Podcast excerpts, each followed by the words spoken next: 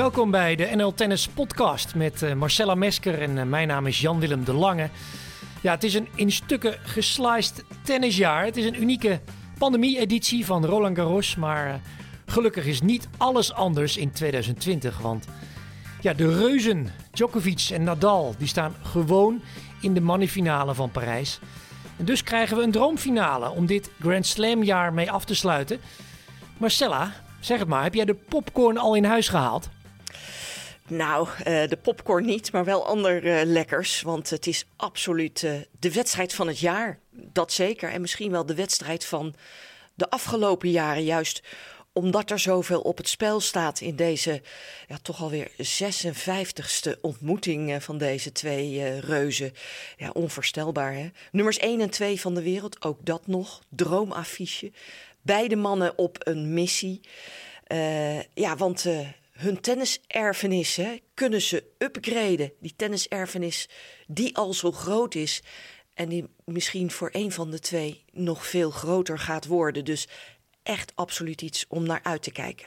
Ja, nou de, de details en de cijfers, uh, daar komen we zo nog wel even op. Ik vind het zelf trouwens altijd wel gevaarlijk om zo'n finale vooraf heel groot te maken. Kijk maar, uh, bijvoorbeeld de Australian Open 2019, dat zou echt een kaskraken worden. Nadal werd daar natuurlijk een beetje een figurant uiteindelijk. Ondanks dat hij zo fris als een hondje was. 6-2, 6-3, 6-2.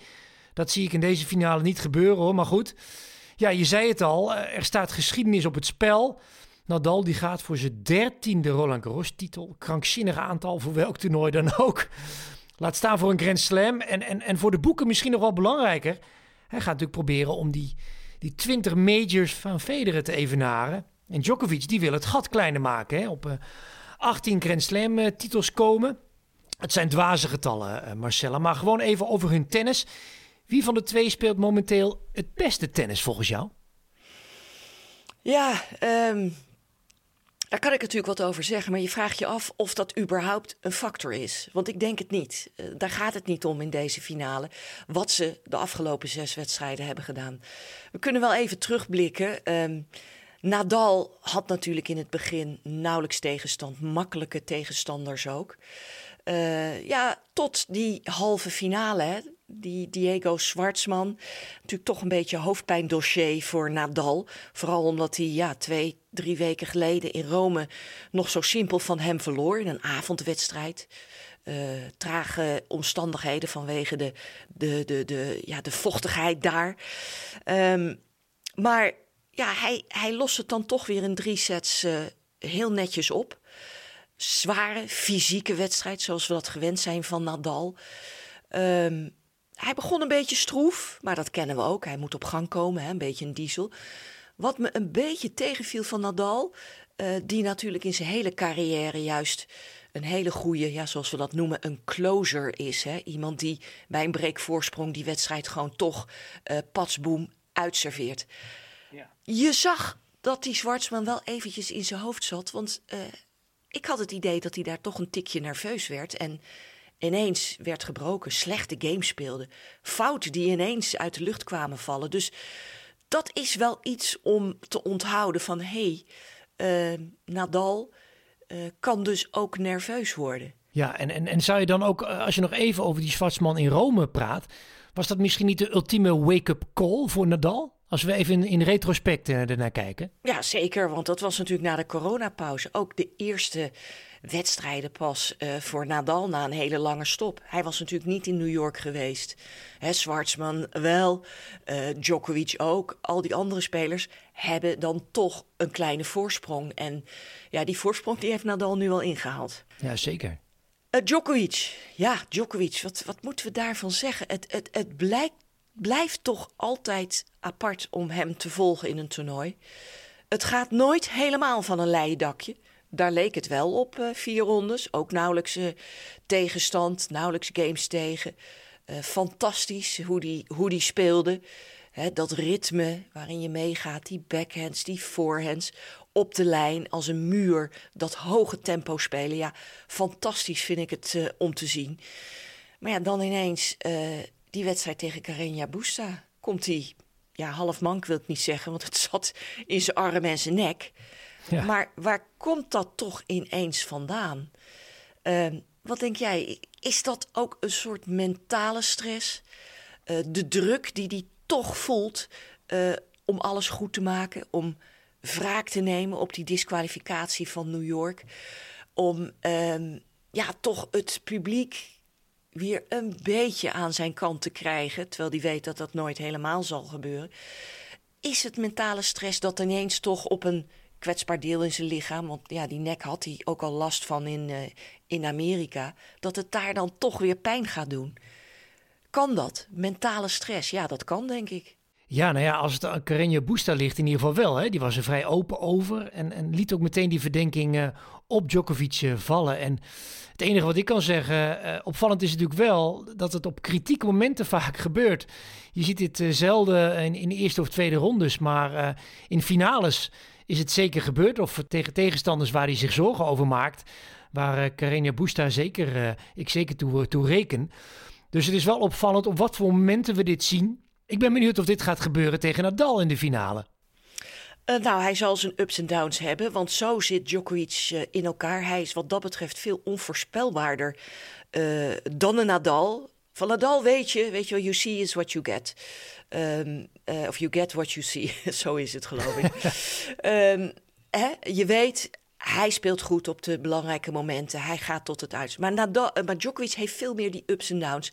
Maar Djokovic kan wel incasseren. Hij kan zich er doorheen spelen. En dat heeft hij keer op keer laten zien. Dus dat zal ook in die finale gebeuren.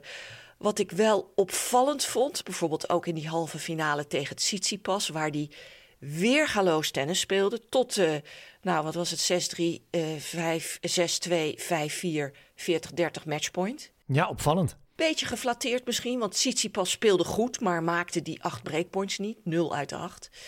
Uh, ja, hij mist dan die backhand langs de lijn na een lange rally op matchpoint. En ineens draait het helemaal om. En uh, zien we toch wel een beetje neutrale, een beetje matte Djokovic. Um, ik mis dat venijn. Dat venijn wat we van hem kennen als het dan tegen zit en hij mist zo'n matchpoint. Dat geschreeuw, die, die blik, die, die holle ogen. Nou, die blik, die holle ogen hebben we wel een beetje gezien. Maar dat geschreeuw, dat, dat, dat venijn hebben we niet gezien. Ik denk dat, dat, dat hij dat bewust probeert binnen te houden. Juist ja, om een beetje, zeg maar, zijn goede kant te laten zien. Maar goed, dat is ook weer speculeren. Ik weet het niet. Maar het blijft apart uh, dat hij na zo'n goede start... Uh, dat de rollen in die wedstrijd totaal omdraaien. Uh, ik moet wel zeggen, erg leuk om te zien hoe Stefanos Tsitsipas...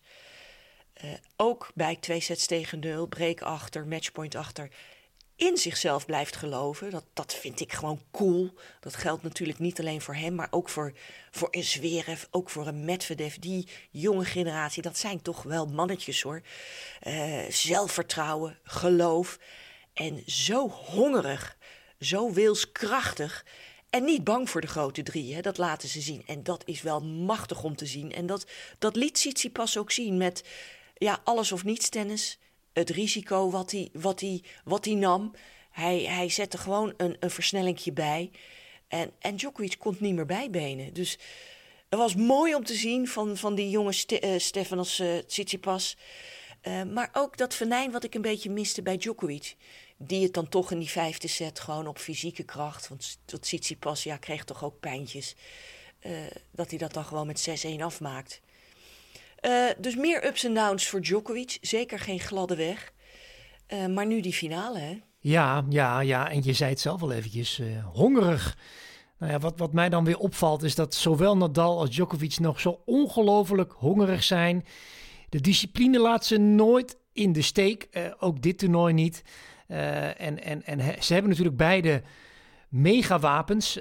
bij Nadal iedereen heeft het op Roland Garros natuurlijk altijd over die, die voorhand die daar uh, die mega topspin en stuit pakt tot boven de schouders.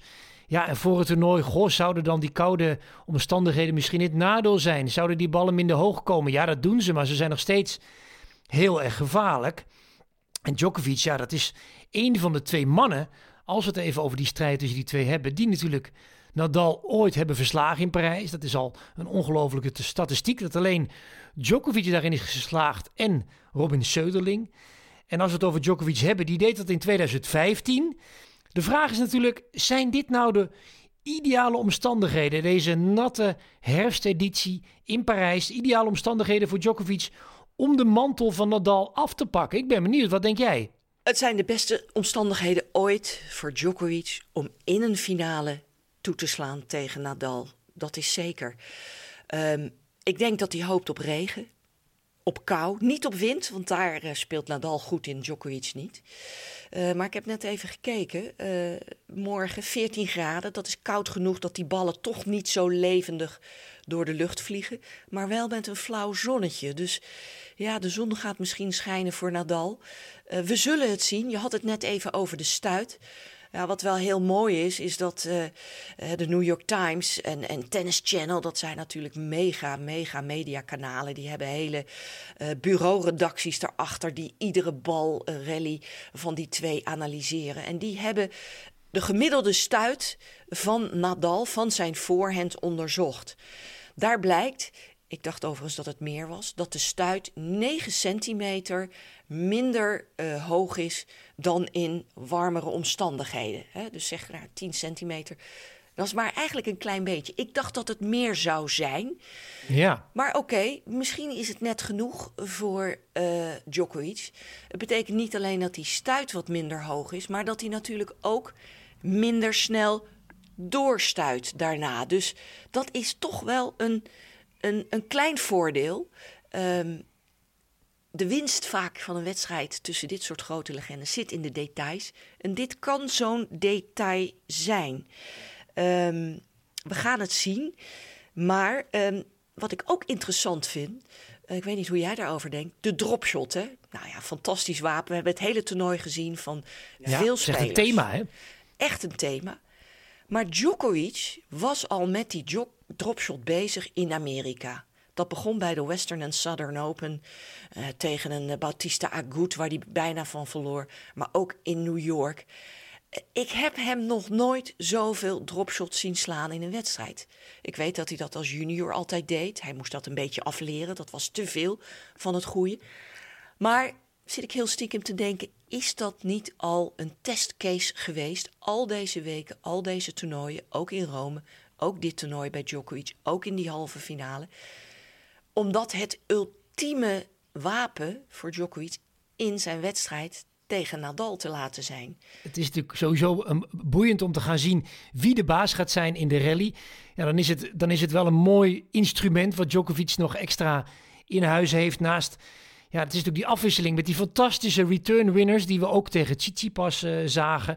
Afgezet tegen de dropshots. Ja, hij wil natuurlijk dat, dat ritme, hij wil in zijn ritme spelen en niet in het ritme van Nadal. Ja, daar kan, uh, daar kan die dropshot uh, wel een prachtig instrument in zijn. Ja, en, en als we naar Nadal kijken, eerlijk is eerlijk, Parijs is gewoon de grootste kans voor hem om nog een extra Grand Slam te winnen. en Djokovic, ja, die wil de eerste van de grote drie worden die alle Grand Slams voor, de, voor het eerst twee keer wint. Ja, moet je kijken waar we het over hebben. Ongelooflijk. Uh, ik vraag me af, uh, bij wie ligt nou de meeste druk in de finale? We hebben in ieder geval niet de druk van het Parijse publiek dit keer. Er zitten er hoogstens duizend. Dus de vraag is, waar komt de druk vooral vandaan? En bij wie ligt de meeste druk? Wat denk jij? Ja, alle twee zullen ze die druk voelen. Ik denk toch meer bij Djokovic. Het is een grote kans voor hem. Nadal is tevreden. is een tevreden man met zijn leven. Uh, hij is happy. En Djokovic heeft toch een beetje dat, dat, dat, dat venijn, toch een beetje die ontevredenheid. Hij wil zo graag geliefd worden, die populariteit. En hij heeft maar één ding dat hem daar uiteindelijk kan brengen. En dat is het ultieme record van, nou ja, Richard Krajcek noemde bij ons in de podcast 24, 25 Grand Slams. Dat wil hij gaan halen. Dus ik denk toch dat de druk bij Djokovic uh, groter zal zijn. En wat ook interessant is natuurlijk uh, hoe er naar deze wedstrijd wordt gekeken in de hele wereld. Maar ik denk ook eventjes aan Zwitserland, want daar zit misschien wel Roger Federer voor de buis. En uh, ja, ik kan het toch niet laten om, om dat beeld voor de, voor de geest te halen. en ik ben heel erg benieuwd voor wie hij zit te klappen morgen. durf jij dat te voorspellen? Ja, hoe je het went of keert. Ik denk toch dat hij voor Nadal is. Ik denk dat ook Federer vrede kan hebben met een gelijke stand, 2020 Grand Slams. Uh, ze zijn goede vrienden. Ze, ze pakken samen de tenniswereld, de sportwereld aan. Um, ze zijn groter dan tennis met z'n tweeën in het leven, in, in, in de maatschappij. Djokovic nog lang niet. Um, en ik denk dat hij Nadal gewoon meer gunt dan uh, de Servier. Ja, dan zou het zomaar kunnen zijn dus dat na morgen Federer en Nadal samen 40 Grand Slams hebben gewonnen. Een ongelofelijke statistiek. Uh, ik pak ook alvast wat lekkers erbij, uh, Marcella. Uh, jij veel plezier met kijken. jullie heel veel plezier met kijken allemaal, luisteraars. En we komen uiteraard bij jullie terug na de mannenfinale, na het hele toernooi. Om terug te blikken op alles wat zowel de vrouwen als de mannen hebben gepresteerd in Parijs de afgelopen weken. Tot snel!